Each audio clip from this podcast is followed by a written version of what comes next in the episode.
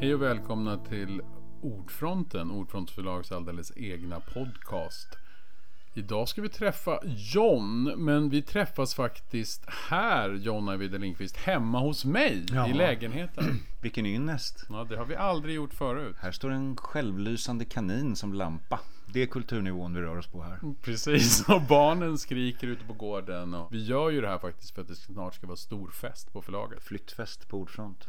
Vi ska kränga bort alla böcker till reapris. Ja, och du har Ska vi skrivit... inte göra någonting och sitter och poddar på det här viset? Nej, det är våran grej. Ja. och nu ska vi prata om verkligheten. ja. Din nya bok. Mm. Varför heter den Verkligheten? Vi kan börja där faktiskt. Från början så hette den reality. men, eh, även på svenska. Men, men eh, jag tyckte det blev för knepigt att ha en titel på engelska. så Och det hade jag att- aldrig tillåtit heller. Nej, hade, hade du inte det? Nej, jag gillar inte engelska titlar på Nej. svenska böcker. Nej, men i det här fallet så hade det varit typ motiverat. Just Mm. att man säger ju reality-tv på svenska också. Man säger ju inte Absolut. verklighets-tv. Men sen tyckte jag verkligheten var en ganska tuff titel. Mm. Eh, det, det, det är ett sånt, för en, sån, en bok med så litet omfång så är det ett sånt oerhört anspråk att kalla Mm. en bok för verkligheten. Samtidigt som den handlar om en människas krackelerande verklighetsuppfattning. Så att eh, det är en väldigt rimlig titel. Plus att det liknar då vänligheten. Vilket ju kan Mm. missleda Tyckte du att det var, var det en bra idé? Att det ligger nära vänlighet? Jag tycker att det var lite roligt nu när jag tyckte Mm. verkligheten var en så bra titel. Och så håller jag ju på att skriva en som heter Värdet också. Som inte har någonting heller med de här böckerna att göra. Eh, men eh, nej, verkligheten var, det var helt enkelt den rimligaste titeln. Jag hade aldrig någon annan. Och de här äh, figurerna, Heidi Hallberg Mm. och hennes liksom, familj och den här, äh, var kom det ifrån? Var det som vanligt en bild du fick? Ja. Eller- Det, här, det är ovanligt tydligt i det här fallet. jag höll på att skriva en amerikansk tv-serie för tillfället. Där jag, om allt hade gått i lås och som det skulle. Jag arbetade med det här nästan ett år så skulle jag förmodligen varit ekonomiskt oberoende för resten av livet. Men det gick ju inte förstås. eh, och sen så var det mycket kontraktsförhandlingar och så blev det en paus i de där. Och då, då hade jag ju varit avbruten och inte skrivit något, någon prosa på jättelänge. För att jag var hållit på med den här tv-serien. Men då blev det några veckors paus. Och så, vad, vad ska jag nu då? Och så dök det upp en bild. Vad ska jag skriva om? Och så dök det upp en bild av en kvinna som satt i en fåtölj, mickad, belyst för tv. Eh, som eh, sitter där och väntar och så tittar hon på fönsterbrädet och där ligger en fluga och dör. Och sen tittar hon tillbaka mot kameran för att se om allt är klart. Tittar tillbaka, då är flugan borta. Och då var det då är det bara som jag gör när jag hittar på mina berättelser. Jag börjar ställa en väldig massa frågor till mig själv. Jag hade den bilden och så sa men vem är hon då? Varför sitter hon där? Vad ska hon intervjuas om? Och vad hände med flugan egentligen? och sen, sen var det bara en fråga om att försöka besvara alla de här spörsmålen så gott jag kunde. Och i, i detta så växte berättelsen fram. Sen började jag skriva den, ska sägas, i tredje person. Eh, och det blev per automatik satir. Ja, det precis. blev liksom som en väldigt cynisk, eller cynisk, men satirisk blick på hela fenomenet med reality-tv. Och det ville jag inte. Eh, Jag ville inte, på något sätt är ju boken en satir, men det var inte min målsättning. Sen, sen började jag om och tänkte om kring vem Heidi var och kom fram till dels jag skriver den i första person och jag tar hennes belägenhet på största möjliga allvar. En människa som är egentligen en existentiell och identitetsmässig kris och försöker förstå vem hon är, vad hennes position i tillvaron är, som vi alla gör. Och det viktigaste, det som verkligen var nyckeln för mig, jag gör den jävligt bright. Inte en jävla bimbo som bara vill synas i TV, Nej. utan verkligen en människa som kan tänka och dessutom är hyfsat beläst. Och kan referera till saker och ting. Och medan hennes man är väsentligt mer, liksom, han är ju småpuckad. Eh, medan hon verkligen plågas och kan dessutom verbalisera sina plågor inför sig själv. Och det gjorde henne väldigt mycket intressantare. Och då började det eh, lira. Är det inte också väldigt mycket roligare att skriva om en sån person? Jo, jo. Alltså, det, det du hade jag. väl inte klarat av att ha varit inne i huvudet på någon som du inte var riktigt ganska förtjust i? Nej, Egentligen. jag är väldigt förtjust i Heidi. Hon, Mm. är, hon är en av mina favoritkaraktärer i någon av mina böcker. Och hon är ju ex, hon är så extremt viktig i den här. Den handlar ju helt och hållet om henne och hennes, hennes tvivel och plågor. Eh, plus att det tillät mig att vara rolig utan att det nödvändigtvis är satiriskt. För det är Heidi som tänker väldigt drastiskt och mörkt och ibland väldigt kul Mm. kring sin egen situation. Det, någonstans är det bäcket som spökar i bakgrunden kring Ja, men- vissa av Heidis tankar. Och då är det ju också så, men då fick ju jag för mig när jag läste det här manuset första gången. Då tänkte man ju så här, du måste ju ändå ha suttit och liksom kollat mycket verklighets-tv då. Alltså försöka så här, jag, jag tittar på Wahlgrens tills ögonen blöder. Men det har du inte gjort. Nej, och det här är ju då det bedrövliga i sammanhanget. Att jag har ju aldrig sett ett avsnitt utav en sån här tv-serie. Och det, är ju, det är, ju- kan man tycka är väldigt förmätet att ge sig på att skriva om någonting man har så dålig koll på. Men för mig så var det ungefär som när jag använder en fiktiv ort eller ö eller vad jag nu använder i en berättelse. Att jag kan bestämma själv hur geografin ser ut, var affären ligger, hur, hur topografin är för att det ska passa min berättelse. På samma sätt så här, jag har varit inblandad i många tv-produktioner. Så jag vet hur en tv-produktion fungerar. Och så tillämpar jag bara den vetskapen på hur jag tror att det borde se ut om vi har ett tv-team, en skripta, en, en rekvisitör och så vidare i ett hus där vi ska filma människor. Och sen har jag ju inte kunnat undgå att se trailers för en del utav, eller sån här blänkare till en del sån här reality Ja, grejer. Så jag har någon slags aning i alla fall om hur det funkar. Men i övrigt så var det som att jag fick eh, göra mina egna regler för hur den här produktionen ser ut. Var det extra roligt också i just det här typen av sammanhang att just använda det som är din stora specialitet, att verkligheten också skevar, för det gör det ju i många av dina böcker, att det så öppnar sig mot olika världar. Mm. Var det här extra, kändes det extra roligt eller Ja. extra bra? Den här var väldigt kul att skriva. Det gick väldigt fort att skriva. Jag tror det tog fem veckor. Eh, fast det var väl över längre tid. Men jag höll samtidigt på att renovera min, min hustrus sjöbod. Så att det var så att jag, jag eller som hon har som skrivstuga. Så att det var liksom, jag gick mellan spikpistolen och tangentbordet. Eh, Tur att du inte blandade ihop det. Ja. ja. Nej men det, det låg parallellt. Ett, ett väldigt fysiskt arbete att hålla på och klättra och bygga tak och, och tilläggsisolera och grejer. Men, men sen så satte jag mig ner med det här och det var så lätt att komma in i texten igen. Eh, Eh, så det var en väldigt passande bok att skriva när jag samtidigt var helt upptagen av ett annat arbete. Och väldigt roligt. Eh, det är sällan jag haft så roligt som när jag skrivit den här. Jag skrev en, en grej till Göteborgs filmfestival som heter Ansiktsburk. som jag också, den gick på så här 4-5 dagar. Den, är, den är ändå så här 50-60 sidor. Eh, och det handlade mest om att dra mig själv i smutsen. Den här figuren, Ajvide Lindqvist. som liksom är så jävla sur för att han inte får tillräckligt med uppmärksamhet. Och säger att fan man borde hänga guldbaggen runt halsen. Kanske någon skulle prata med mig. Ja, så den var också väldigt rolig att skriva. Men den här var, när den gav sig själv i väldigt hög grad. När jag väl hade karaktären Heidi Hallberg. När hon var på plats och hennes existentiella grubblerier. Då lirade det väldigt mycket av sig själv. Sen, sen är det ju till exempel så att hon pratar om att det här att verkligheten börjar gå sönder och skeva. Och det hänvisar hon till någonting som hon kallar för det där. Någonting som har hänt henne. Som hon nästan hon våg- vågar inte prata om någon med det här för att ingen skulle tro henne, alla skulle tro hon var galen. Och, och det, det tog väl ungefär en 40-50 sidor in i berättelsen innan jag själv bestämde mig för vad det där är för någonting. Vad det är faktiskt är som har hänt henne. Och det ska vi inte avslöja då, men det är något ganska radikalt får man säga. Sen kan man ju som läsare bestämma sig för, är hon galen? Och det här har inte inträffat, för det är ju helt bananas det som har hänt henne. Men det är väl det man, då är väl det också en del av spänningen. Eller Ja, ja. det är det som är roligt att läsa boken. För man kan ju både, ja man kan ju bestämma sig för de här två modellerna. Ja, det går ju också att läsa som en berättelse om en människa som totalt bryter ihop på, gr- på grund av de här... Och det finns ju mycket som tyder på att hon faktiskt borde bryta ihop. Ja. Det är ändå att hon har en väldigt jobbig situation att vara i. Ja, hon, le- hon lever i en Eftersom hon vet ju aldrig vad som någon säger till henne är sant eller falskt. Ja, nej, nej, hon, nej, precis. Hon vet inte. Hon vet, grejen är att hon vet inte själv om hon spelar heller. Nej. Eh, hon, är, hon är helt oklar över, över sina egna känslor. Om hon har anammat dem för att de gör sig bra i TV. Eller för att det verkligen är en del av hennes identitet. Ligger en sån identitet nära ibland ens egen identitet som författare? För man håller på att hitta på hela tiden och man vill dramatisera, man vill dramatisera saker. Finns det liksom någon likhet där? Att man själv ibland kan börja tvivla på vad som var sant. Jag skrev det här och nu är det här. Eller skriver du alldeles för fantasifullt för att det aldrig skulle krocka? Jag tror, för mig så krockar det inte så mycket. Nej. Nej. Men däremot så tror jag att det här med Heidis belägenhet i den här realityshowen är någon slags förhöjd version av ett normalt mänskligt liv. Där vi fortfarande är observerade av andra, måste bete oss, måste bestämma oss för liksom vilket intryck vi vill göra. Eh, Problemet i Heidis fall är att liksom volymen i uppdragen till 11. Spinal Tap.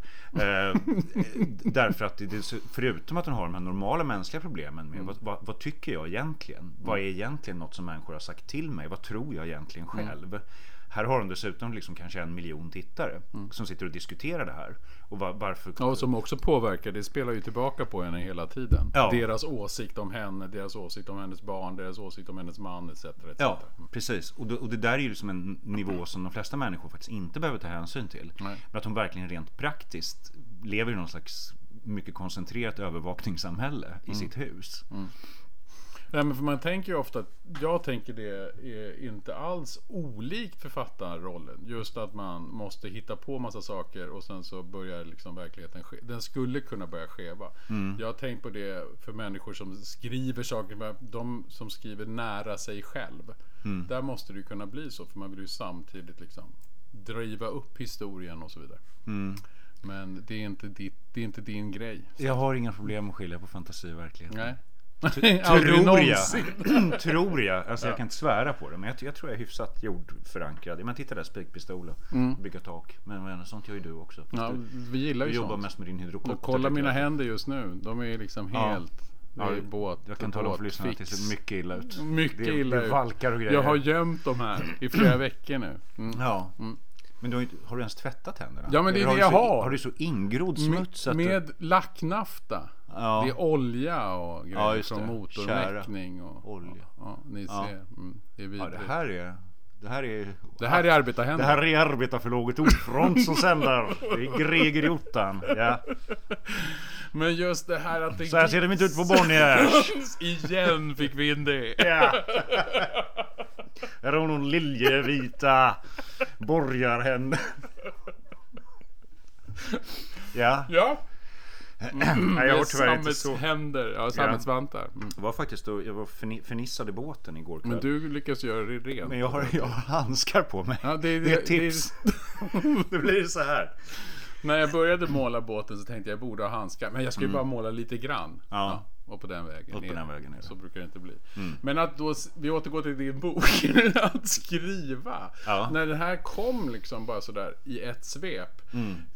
Och det känns så självklart. Och det gjorde det ju också ända fram till jag läste. Det känns som att det finns liksom nästan ingenting här som inte bara damp, dumpit ner. Mm. Hur mycket sitter man sen att jobba med det i alla fall? Fast den är sådär självklar. Hur mycket sitter du och ifrågasätter dig själv sen? Nej, men, men här, här är det... Det där är ju väldigt olika. Jag menar, även min förra roman, Vänligheten, det gick faktiskt också väldigt fort att skriva trots den är över 700 sidor. Men det tog ju några månader såklart. Det tar ju en stund att bara knattra bara ner, de här dem. jo, men då kunde miljonerna tecken. Liksom. 10, 12 till och med 14 sidor på en dag. När det var som bäst swish på grejen. Mm. Riktigt så snabbt skrev jag inte den här. Men, men det var nog ofta som 7-8 i alla fall. Eh, vad var frågan? Jo, men hur mycket sen ifrågasätter man i efterhand? För i det här fallet så satt det ju som en smäck, tänker ja. jag. Det är ju som en liten symfoni. Allting bara händer när det ska hända. Mm. Mm. Mer en liten stråkduett kanske. Ja, kanske är så liten, litet, men litet kammarspel. existerar. Ja. Men eh, nej, så länge jag själv känner att jag är intresserad mm. och det här eh, tåget skenar vidare och jag fortfarande tycker landskapet och passagerarna ombord är intressant. Att jag vill fortsätta hänga med på den här. det är det här som jag säger att jag kan ibland skriva som om jag var bokens läsare. Mm. Jag vet egentligen inte vad som ska hända, men jag tänker som läsare, som jag nu sitter och, läser med fingrarna över tangentbordet. Vad tycker jag är intressant? Mm. Vad skulle vara eh, överraskande? Vad vore kul? Här måste, jag vill veta konsekvenserna av mm. det här. Det vill jag veta i alla fall. Mm. Men sen kan vi sticka iväg i en ny riktning speciellt i en sån här liten koncentrerad historia som bara är en person, jag-form, under ett dygn. Mm. Då går det bara verkligen, för mig i alla fall funkar att bara låta det rulla och lita på att så länge jag tycker det är intressant så kan förhoppningsvis de som läser det Och hur snabbt bestämmer man det då? I den här historien? Att det skulle bara vara ett dygn? Det skulle bara vara den här personen? Det kom, kom det inte in fler? Ja, är det det som händer? Liksom? Jag bestämde ganska tidigt att Uh, det fick det, inte spåra ur. Nej, men att den skulle börja med en scen och mm. sluta med samma scen samma tid nästa dag. Uh, den här, när hon sitter i fåtöljen och ska mm. bli intervjuad. Mm. Uh, och det gjorde att det fanns ett, ett väldigt tydligt ramverk ganska tidigt. På det viset. Sen blev den då mycket roligare än vad jag trodde den skulle mm. bli. Och det var också på Men grund har du inte blivit roligare och roligare? Jag blir bara roligare och roligare hela tiden. ja, Du vågar jo, ta ut mer av de svängarna kanske? ja, jo, men jag var ju komiker i många år. Jag Jag har skrivit fruktansvärt mycket humor och sådär till tv och så också. Men jag blev erbjuden att skriva manus till Melodifestivalen för 5-6 år sedan eller något sånt där. Eh, jag och några andra skulle göra det. Och jag bad om en två dagars betänketid för att se om jag var rolig fortfarande. Och det var du inte. Nej, jag var inte det. Jag satt och försökte komma på vad kan vara roliga mellanakter till Melodifestivalen. Och så här, jag kom på en kul grej. Det, som jag egentligen tyckte var rolig. Och det var liksom, man skulle ha så här människor bakom scenen som hade gjort så här små grejer i Melodifestivalen. Och liksom hur bra det hade gått för dem. Hur bra det går för alla som är med i Melodifestivalen på något sätt. Då skulle det vara en kille som liksom var tredje person på pyrot. Han som gjorde de här små, små puffarna bara i sidan. Och nu idag, då ska han stå vid så här gruvhålet i Kiruna. Där, titta här. Titta vad jag gör nu. Det är jag som sprängt Jag har upp det här. vuxit. Ja. Ja, ja. Och så vidare. Och sådana andra liksom absurda städare som hade blivit, ja du vet. Mm. Det var det, det var den idé jag hade, men det dög ju inte. Så att jag fick säga nej till det uppdraget. Tyvärr, eftersom jag tycker så mycket om Melodifestivalen. Men är det lättare då att vara rolig i romanerna? Ja, där har jag ju då ett, ett kringverk där det inte kräver att jag ska vara rolig hela tiden. Eh, och jag menar, ja det är verkligen vänligheten. Men jag måste säga det, det har, du har blivit roligare i böckerna. Mm. Ja. Man skrattar mer nu när man läser manus än vad Ja. man gjorde tidigare. Ja du, men vänta, vänta tills du får värdet och svinen. Då du. Ja, det blir inte så kul här- längre. Jag, jag bävar redan. Ja, du vet ju att jag inte tycker om när det blir för jobbigt. Nej. När det blir ont i kroppen. Ja, det Och jag klarar inte av ont i kroppen. Oj, oj, oj. Jag får ju ont på riktigt. Ja, Alltså, ah. Ja. Men ni gav ändå ut den här, vad heter den, Senseless? De hänsynslösa. Mm. Ja men den är ju så vidrig så Ja, att det är helt bortom. Men där fanns Jag det skulle säga att värdet är lite värre. Ja men, men senseless, men jag vet inte, det är kanske väl samma sak med den författaren. Honom har vi ju faktiskt aldrig fått till Sverige. Jag har inte pratat med honom Nej. personligen. Men, men just att jag tänkte att den var en kritik av ett, liksom en, så sam, en djupt samhällskritisk bok om, om, om dagens globalisering, mediasamhälle och så Ja, vidare. ja. Och Men lite det samma kanske- sak. ja. Verkligheten andra. Men, men du brukar ju inte säga att du har gjort det här för att du vill påstå något sånt. Nej. Nej, nej, Så, nej. Och det är ju möjligt att han inte heller gjorde det. Men det var liksom min poäng med att ge ut den. var mycket det här politiska statementet som fanns i Senseless. Mm. Ja, Som- mm. jo, nej, jag tyckte det var en jätte, jättebra, Ja. jättebra bok. Sjukt läskig. En sjuk läskig, ja. Mm. Det handlar alltså om en människa som blir kidnappad av en slags terroristorganisation som streamar det här också om jag inte minns fel. Mm. Jo. Och berövar sina sinnen ett efter ett. Och så får liksom folk praktiska. rösta om de ska fortsätta Ja. utsätta honom för tortyr. Ja. Mm, mm. Och till slut är han senseless. Mm. Till slut är han senseless. ja, det var läskigt. Mm. Ja, men när- man då har gjort det här och skrivit en sån här lit, alltså just det, från 700 sidor till 100, vad är det nu? Det är 40 inte, tror jag. Ja, 140 sidor. Mm. Var det också ett behov du kände att du måste nu skriva något kort? Eller Ja. var det bara, ja. Det var det jag hade tid Ja. med. Sen damp jag ju ner i den här amerikanska tv-serien igen och fortsatte med det. Det är ändå som åtta timmar tv som ska Mm. skrivas, det är mycket. Eh, nu gjorde jag inte det, men jag skrev en pilot, jag skrev en pilot i prosaform, jag skrev treatment för hela serien, alltså tre, fyra Mm. sidor för varje avsnitt. Hittade på hela serien, skit i det. Men, eh, så att jag hade en begränsad tid, så att det- var Och blir värdet och svinen då också korta? Eller De är korta ja. större? Ja, svinen är, den är färdig, den är 80. Eh, värdet blir nog lite längre, men jag tror att de kommer ihop. Så det blir inga 800 sidor, 700 Nej. sidor. Det är tufft att skriva det där. Men den jag håller på med som Mm. nog heter Svärtan sommaren 1985. Mm. eh, Den, den blir nog lite mellanlång. Nej men det är intressant för det blir ju också sådär att man har ju tempo då i sin eget över, på lång sikt författarskapet. Hur mycket tänker man på det som författare? Hela sitt verk på något sätt. Är det intressant någon gång att titta på? Bryr Nej. man sig om det? Nej. Ja, inte jag i alla fall. Nej, man bara skriver nästa bok. skriver nästa historia, nästa berättelse och Ja. Mm. ser vad den, vad den eh, vill ta vägen någonstans. Eh, som sagt i det här fallet, sen, sen är jag väldigt bra på att lägga precis de begränsningar som jag behöver. Nu har jag den här tiden, ja, då skriver jag en sån bok. Nu, nu har jag annan tid, då skriver jag en sån bok. Mm. Men sen, sen är det väldigt, jag vet väldigt sällan när jag börjar vart det ska bli. Den här svärtan då, sommaren Mm. 1985. Den trodde jag skulle bli en novell på 60-70 sidor. När jag började och nu är jag på 150 och jag undrar om jag ens är halvvägs. Men så måste jag börja om från början. Jag tycker det blivit något fel i tonen. Jag har börjat jag läser om Vi på Saltkråkan för att, för att komma lite stämning. Ja men det är sant. Så mysigt. Ja, ja, Ja. men det finns en nivå utav den berättelsen som, som ska ha något av Vi på Saltkråkan-tonen. Sen blir det ju läskigare då, men Men svärtan blir inte lika brutal som svinet och värdet. som nej, är- nej, nej, nej, nej absolut ännu- inte. Det blir en hyfsat trevlig bok. Ja, John. Jag tror vi har pratat färdigt faktiskt. Vi börjar närma oss 30 minuter. Ja. Ja. Ja. Det gör vi inte. Är det inte alls så? Okej. Är det så illa? Okej. Vad är det som är illa? Vi har bara pratat 20 minuter. Jag, jag som hade fel på tiden. Jag hade Okej. tittat på min egen klocka är fel. måste du alltså hitta på något nytt att fråga om nu. Men det är ju inget svårt alls. Nej, du är väldigt bra på det måste jag säga. Mm. Jag tror inte jag skulle kunna göra det du gör. Nej. Det var ändå så att du pratade om dina händer en stund. Ja, vi gjorde ju det mitt i, helt utan anledning. Hur... Vi kan prata om ettan. Det är ett helvete att få bort från fingrarna. Ettan? Ettan, vet inte vad ettan är? Nej. Inte snuset alltså. Nej, vad är ettan? Du har, inte haft, du har inte träbåt, Nej, du har aldrig haft träbåt. Mm. Ja. Det är en slags tät, tätningsmassa byggd på tjära som, Mm. man, som man kan forma i typ strängar och trycka in i alla springor. Åh, det skulle jag behöva. Till våran badtunna. Den Ja. bara sprutar ur sig vatten nu. Ja, men det funkar den jättebra. går liksom inte att täta längre tror jag. Det Alltså, fina den har är, man kan torkat för även, alltså om man, nu en badtunna är enklare Mm. för där kan man, kommer man åt utsidan. Men det går även att ta liksom under vattnet och tryck, trycka dit. Så att det fastnar så åker in i det där- och tätar. Det måste Men det, blir, det, blir, det fastnar mycket på fingrarna. Ja men nu ser ju fingrarna Så jag brukar ut se ut så lite här. sådär. Ja. När båten ska i. För då kan man inte ha handskar på sig misstänker jag. Nej, det blir det, det nej, det, nej, det kan man inte. Nej, visst fan. Man måste se till att blöta händerna hela tiden för annars fastnar det så in i helvete under naglarna och sådär. Mm, där ser man. Varför pratar vi om det här? Jag vet inte. Ja. Men det är också så att när du då gör, alltså det här, jo men när man då, när du skriver de här historierna. Mm. Så att du var i vänligheten, då var Mm. du i Norrtälje. Du, vill, och du sa förut också att du gärna vill ha fria platser egentligen. Så Mm. det här är också en, men här är det ändå en plats också.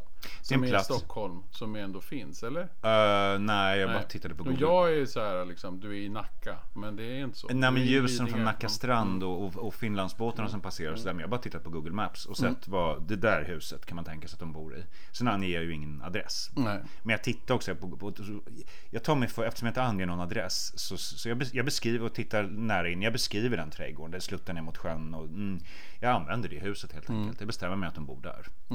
Eh, men det, ja, det är ju så, det är så bedrövligt på alla plan. Jag har till exempel inte ens varit ute och tittat i verkligen på På hur, verkligheten. hur det ser Nej, ut där, nej. i det området. Nej. Utan ja, där är ett fält, där kan de gå med hunden, Mm. det är bra.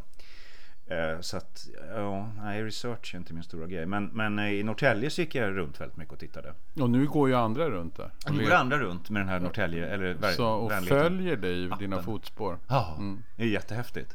Kan du beskriva lite? Vad är det? Man har helt enkelt tagit vänligheten, man har tagit bitar av vänligheten Mm. och du läser upp. Ja, Och sen så får man då följa en vandring genom stan som följer bokens vandring kan man säga. Eller de Ja, platser bi- som finns med i vänligheten. ja, många av de platser. Sen är det lite i utkanterna som är svårare att gå till. Men det är mycket som är i centrala Norrtälje där det händer. Och då kan man gå den här, det är ungefär en entimmes vandring med den här appen. Eh, där det dels utdrag av när jag läser i boken och de partier som berör just den platsen man befinner sig. Så det är en skådespelerska som läste in, de använder vinden som en slags berättarröst som håller Just ihop det. det, hela. För det finns ju partier som heter Vindens tal. Från Håkan Hellström, Vinden håller tal vid en hamburgerbar. Eh, och sen är det uppblandat med lite grann med Håkan Hellströms musik. Eh, ja, som han Och han är viktig för dig. Ja, ja, absolut. Det är han. Hans, det, han är väl, först var det Depeche Mode, The Smiths, sen hände liksom ingenting på 20 år, sen kom Håkan Hellström. Eller jag Och, nu, nu kom in i är, honom. och vad skulle du säga är musiken till, verk, till verkligheten? Oj! Om du nu fick bestämma. Nej, det har jag faktiskt inte tänkt på. Jag brukar, jag brukar ha väldigt mycket musik och Du brukar väl musikreferenser. också till och med ha nästan en, eh, liksom nästan en Spotify-lista i huvudet Ja. som är... Är det någon Mm. låt som jag lyssnar på om och om igen, men det är för att jag kommer i den känslan. Men jag tror aldrig jag hittade någon jag tror aldrig att den här fick någon slags Du vet inte vad tematisk- He- Heidi Hallberg älskar för musik? Einstürzende Neubauten kanske. de var precis här. Jaha, ja. Jag tror de har varit i Stockholm precis. Mm. Blixabarg. Ja, nej, jag vet, Heidi, vad gillar hon? för- Ja, hon lyssnar aldrig på någon musik faktiskt. Ja, Hon har ju så jäkla mycket annat att hålla reda på. hon har mycket att liv. hålla reda på. Men jag föreställer mig någonstans att det var så här, nu är inte det Einstürzende det, men det var egentligen så här dödsmetall eller någonting som hon skulle lyssna på. Ja, Ja, för hon känns ju väldigt ensam fast hon har så jäkla mycket. oerhört ensam. Det var, det var någon jag pratade med som påpekade, jag har aldrig sett den aspekten av den här boken, att så många av mina berättelser handlar om relationer och, och människor och vad de gör för varandra. Destruktiva eller positiva och så här, men att just huvudpersonen här är så fruktansvärt ensam. För nästan alla dina historier är ju vänskap eller kärlek. Det är liksom vänskapsböcker eller kärleksböcker. Mm. Ja. Det är liksom människor som ska nå varandra eller har nått varandra och bygger något starkt tillsammans. Ja. Och här är det liksom bara Ja, ödelagt. Det är helt ödelagt. Hon, hon har blivit en skaplig relation till hunden men samtidigt så tycker hon att hunden är lite dum i huvudet. sätt. Men hon är för smart för sitt sammanhang. Hon är, hon är för smart för sitt sammanhang. Och det är just det, det den konflikten, den, den friktionen tror jag var som, som eh, gjorde mycket av berättelsen för mig och som gjorde den lätt att skriva. Att det är så mycket kollisioner me- mellan den person hon egentligen borde uppträda som, som bara är glad att få vara på TV och tycker allting är toppenhärligt. Och sen är hon ju då dessutom så här som hon säger livscoach och gör såna här YouTube-videor där hon, hon berättar Ja, om hur sin, man- hur sin, man ska sina göra. visdomar. Och, och, och jag tycker jag skrev några partier där hon sitter och pratar och gör YouTube som är liksom helt okej. Det där man har tänkt, det är Mm, det är lite, lite snällt och fint och- ja. Mm. Sådär, hon har tänkt lite bra kring grejer, vardagsdjup som hon talar om, att liksom ha en relation till föremål. När man, samtidigt som hon själv inte tror en sekund på det där. Nej, hon, inser bara det- hittar på. Ja, eller så här, hon säger så här eh, medelålders kvinna delger sina livsvisdomar. Eller milf köta pö. Tänker hon själv. Ja men för det är lite konstigt att även det är ju då ett bara slags jävla påhitt. Ja, ja, ja. Alltså, oh, ja. och det är som att hon, hon, har, hon skulle ju kanske någon gång kunna hitta något i sig själv som var på riktigt som hon fastnar i. Ja, det- Eller måste hon dölja det in i sig själv hela tiden? Ja, det är ju liksom det det som är problemet. Ja, hon, lever ju, hon lever ju då i en tillvaro som är fullständigt renons på äkthet. Och Hon vill inte sälja ut det som faktiskt är hon själv. Nej, och det, är därför hon till exempel försöker skydda sina, sina yngre barn eh, från att, att bli indragna i det här. Vilket någon som skrev sa att det här är ju fullständigt orealistiskt. Alla sådana här använder ju sina barn som tusan. Ja, men just Heidi Men är ju trevlig på det, det. sättet. Vi gillar ju Heidi.